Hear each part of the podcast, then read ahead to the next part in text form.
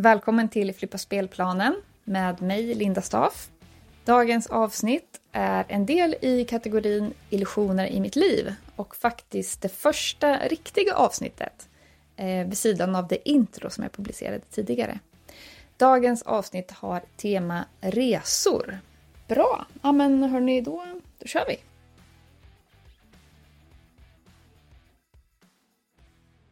Uppväxt på en bondgård där tre generationer levde tillsammans var mantrat den här jorden ska tas om hand tills det är dags att lämna över den till nästa generation. Jag tror de syftade på lantbruksmarken i synnerhet, men jag vet att jag själv brukade inkludera skogen, hagen och vattnet i samma tanke.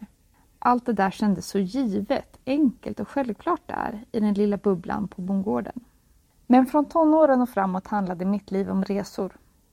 Det var där jag ville ägna mitt liv åt, mitt yrke och min fritid. Allt hade bottnats i ett genuint intresse för andra kulturer och naturmiljöer. Precis som de flesta resmål också utvecklas, småskaligt, där mötet med kulturen var det centrala. Oftast är det i första hand av backpackers som besöker genuina platser med mycket själ, vita fläckar på kartan. Men det gick med mig själv, som för de flesta genuina små besöksmål. Vi rycktes med i begärssnurran och ville bara ha mer. Det enda jag ville prata om var resor och jag omgav mig med vänner som hade samma intresse. Vi tipsade varandra, delade våra upplevelser och nya resedrömmar. Självklart fanns en bucketlist och innan nästa resa påbörjats hade jag redan planerat vart jag skulle åka efter den. Från att ha rest på vad jag själv skulle känna var ett genuint och nyfiket sätt i 20-årsåldern var resorna i 30-årsåldern mer av eh, rekreations och bucketlist-karaktären. Mitt tidiga intresse för kulturer och natur gjorde att jag kom in på ekoturism och sökte mig bort från de större turismstråken för att finna det genuina i de olika länder jag besökte. Resorna pågick från flera veckor till flera månader och jag var noga med att sätta mig in i historia, kultur och språk innan avresan från Sverige. Platser som lockade var främst högplatåer och stepplandskap i Himalaya och Anderna eller ökenlandskap i Afrika, Australien och Sydamerika. Därefter, när familjesituationen förändrades, gjorde resorna det också. Nu skulle jag resa enkelt och snabbt. Intresset för att upptäcka min omvärld fanns kvar. Men tidsbristen och tempot gjorde resorna i min mening ytliga. För det var svårt att komma nära något på en vecka eller två. Nu blev det att bocka av, se så mycket som möjligt på kort tid. Jag tappade det som en gång var genuint i mitt resande utan att märka det hade det övergått till att bli något annat. Minns ett samtal med en resvän där vi båda faktiskt sa att vi kände oss stressade av allt resande och att vi kunde sakna det där genuina det en gång var. Men nu levde vi liv där det inte fanns utrymme för att ta det lugnt och spendera veckor eller månader på resande fot. Nu var vi tvungna att förhålla oss till tidsmässigt kortare men fler resor för att få ihop livspusslet. Som jag sa upplevde jag att resmål följde samma utvecklingsmönster. Det börjar många gånger med backpackers som banar vägen för den större massan. I sin vilja att sälja mer kom turismen att växa globalt. Tyvärr inte av lokalsamhället i sig utan av utländska investerare. Mindre resmål kan ha fler besökare och gästarbetare än lokalinvånare. Successivt har platser förlorat sin själ och blivit ytliga semesternöjen för oss resenärer som inte vill bli kallade turister. Som vill bocka av resmål eller fly från något vi inte vill möta på hemmaplan. Tråkigt, tycker vi resenärer, när vi upptäcker att en plats förlorat sin själ. Om vi ens märker det. Tänk bara på vad lokalbefolkningen känner och hur du själv skulle känna om det var ditt hem eller barndomshem. För drygt 15 år sedan slog sociala medier igenom och nu skulle lyckan delas online. Otaliga är de bilder som tagits på platser endast i syfte att de ska delas i sociala kanaler. Ja, även jag har stått på Trolltunga för att ta en bild av den ikoniska platsen som är allt annat än charmig i verkligheten. Men det syns ju inte på bilden. Så vad såg jag då för tjusning med allt detta? Varför reste jag så mycket? Till en början för att jag var så intresserad av mötet med andra kulturer. Att verkligen få möta människor som levde andra liv på andra sidan av jorden och uppleva, för mig, extrema naturmiljöer. Det var något som fyllde mitt hjärta, som connectade mig mer med natur och andra människor. Ja, det kan vara helt fantastiskt att resa. Det kan ge så mycket för både locals och resenärer när man gör det på ett balanserat sätt för sig själv och platsen man besöker. Men när resorna ändrade karaktär, som jag beskrev tidigare, gjorde även känslan för resorna det. Det gav mig något nytt att se fram emot, att längta till. Det blev ett miljöombyte. Det kändes lyxigt, lite som att jag unnade mig det. Jag kom att söka kickar, upplevelser. Det blev en fjäder i hatten att ha rest mycket. Och det blev en identitet för mig. Jag var inte typen som åkte på solsemester, men åkte gärna på weekends och aktiva resor. Man kan visa vem man är genom de resor man gör. Det finns till och med en norsk bok om ämnet. Jag vill ändå resa med själ och har gjort många fina resor under de senare år där jag stundtals har kommit nära lokalsamhällen och tagit del av fantastisk natur. Men sett i det stora perspektivet har de stunderna mindre betydelse i förhållande till vad som sker i vår värld. Jag värnade miljön, men förstod inte hur illa däran den var och hade kvar mantrat att denna jord skulle lämnas i gott skick till nästa generation. Jag såg inga faror som lurade. Att bilar och flyg släpper ut avgaser vet väl alla. Men vad då? sånt renas väl med fotosyntes? Det pratades om klimatförändringar men så illa kan det väl inte vara. Inga big news direkt. Skulle det varit illa så hade ju alla snackat om det. Boom! 2018. Insikten kom som en jävla käftsmäll. Först de negativa konsekvenserna som turism kan leda till för ett besöksmål om den tappar kontrollen. Vi kallar det överturism. Därefter en föreläsning av en meteorolog som på ett allvarsamt, gripande och förvånansvärt lättsamt sätt berättade om konsekvenserna av vår livsstil och hur de påverkar klimatförändringarna. Samma höst sätter sig Greta utanför riksdagen och jag får också för första gången en relation, eller förståelse, till vad Parisavtalets tvågradersmål betyder i praktiken. Summering av käftsmällen. Vi sägs ha runt 5 till 25 år på oss att förändra vårt tärande på naturresurser innan det är över för stora delar av jordens civilisationer. Kanske alla, ingen vet exakt. Men människans levnadssätt har skickat jordens medeltemperaturer i höjden och det är inget man ändrar på över en natt. Vi behöver minska våra utsläpp rejält för att nå målen för överlevnad. Idag släpper svensken ut runt 10 ton per år per person. Vi ska ner till 1 ton per år per person senast år 2050. En flygresa till USA ligger på cirka 3 till 5 ton tur och retur för en person och en flygresa till Medelhavet på ett ton. Bara som jämförelse. Vi har fler problem än bara utsläpp som koldioxid. Biologisk mångfald är minst lika illa, men svårare att mäta och därmed också relatera till. Att därför bara prata om uppvärmning och koldioxidutsläpp kan göra att vi glömmer bort att värna allt annat som gäller våra ekosystem. Hela min värld rasade.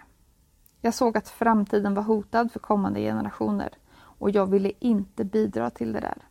Så jag slutade flyga.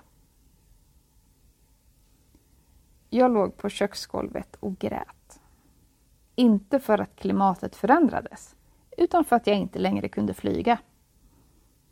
Alla drömresor jag hade kvar att göra. Jag var så in i märgen ledsen över att inte kunna resa som förut. Vad skulle jag göra nu då? Det var en slags identitetskris. Den pågick i tre månader.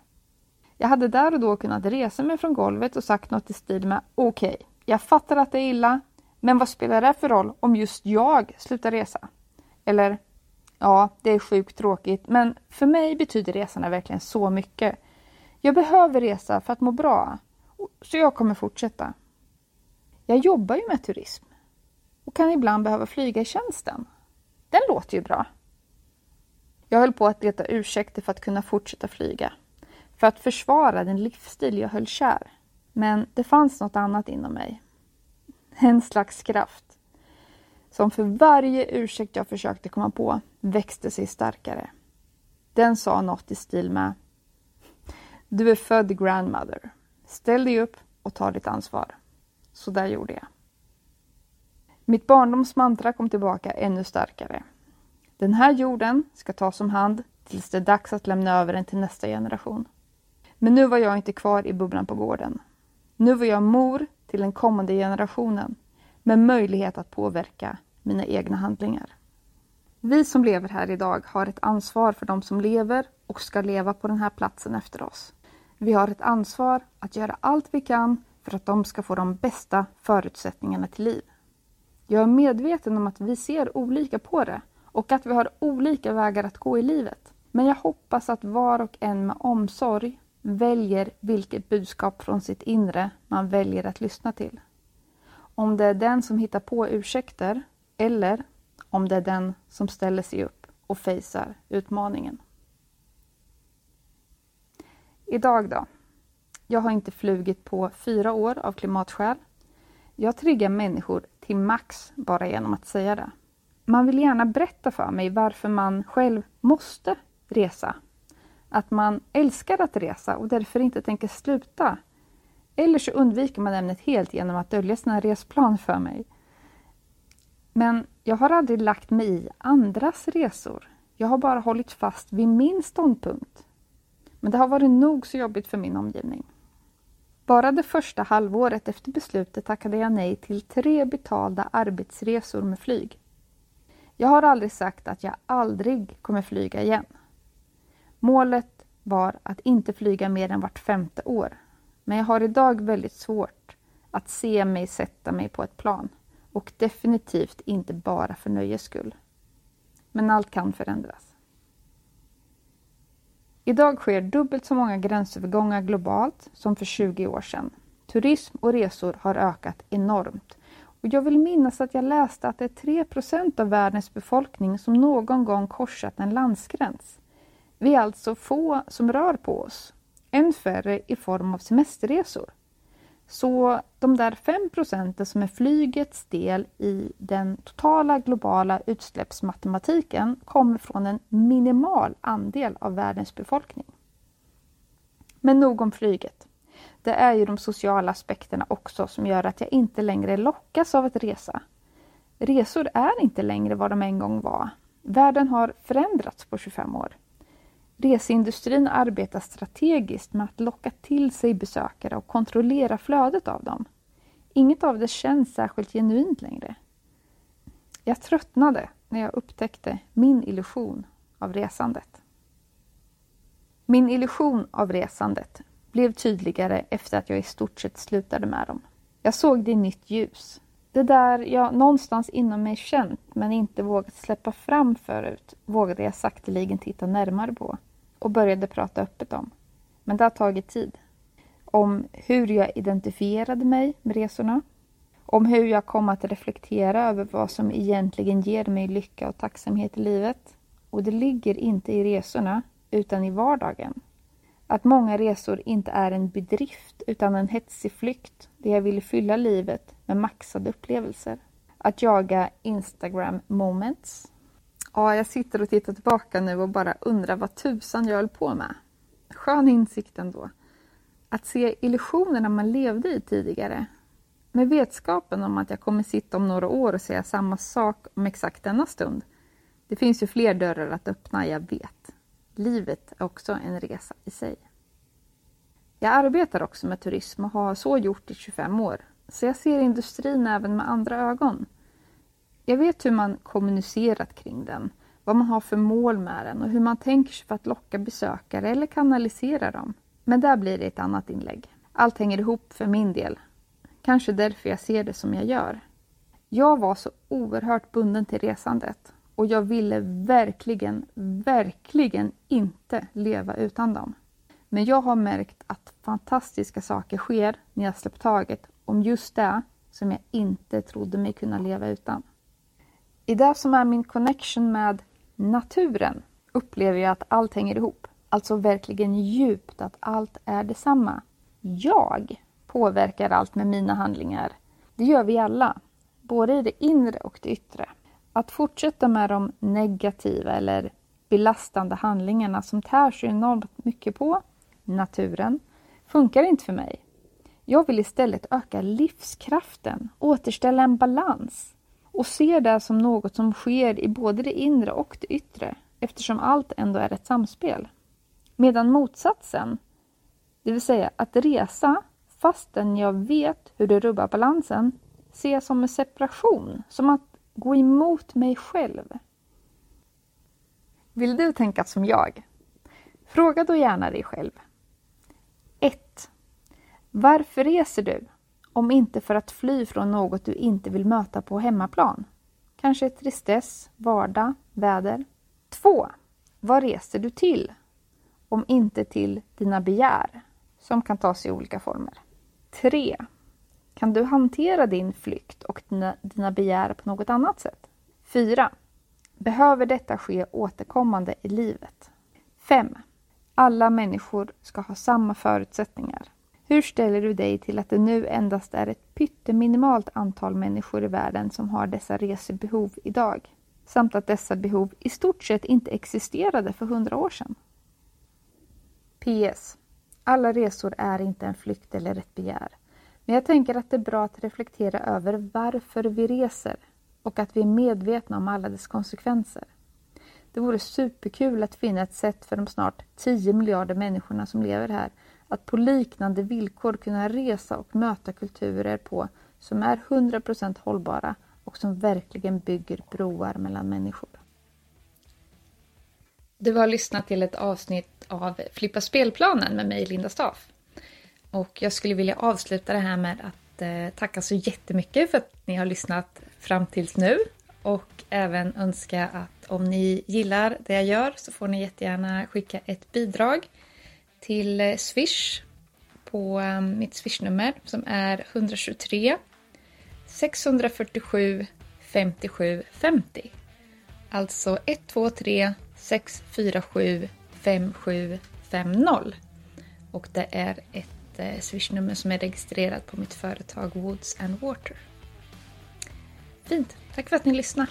Hejdå!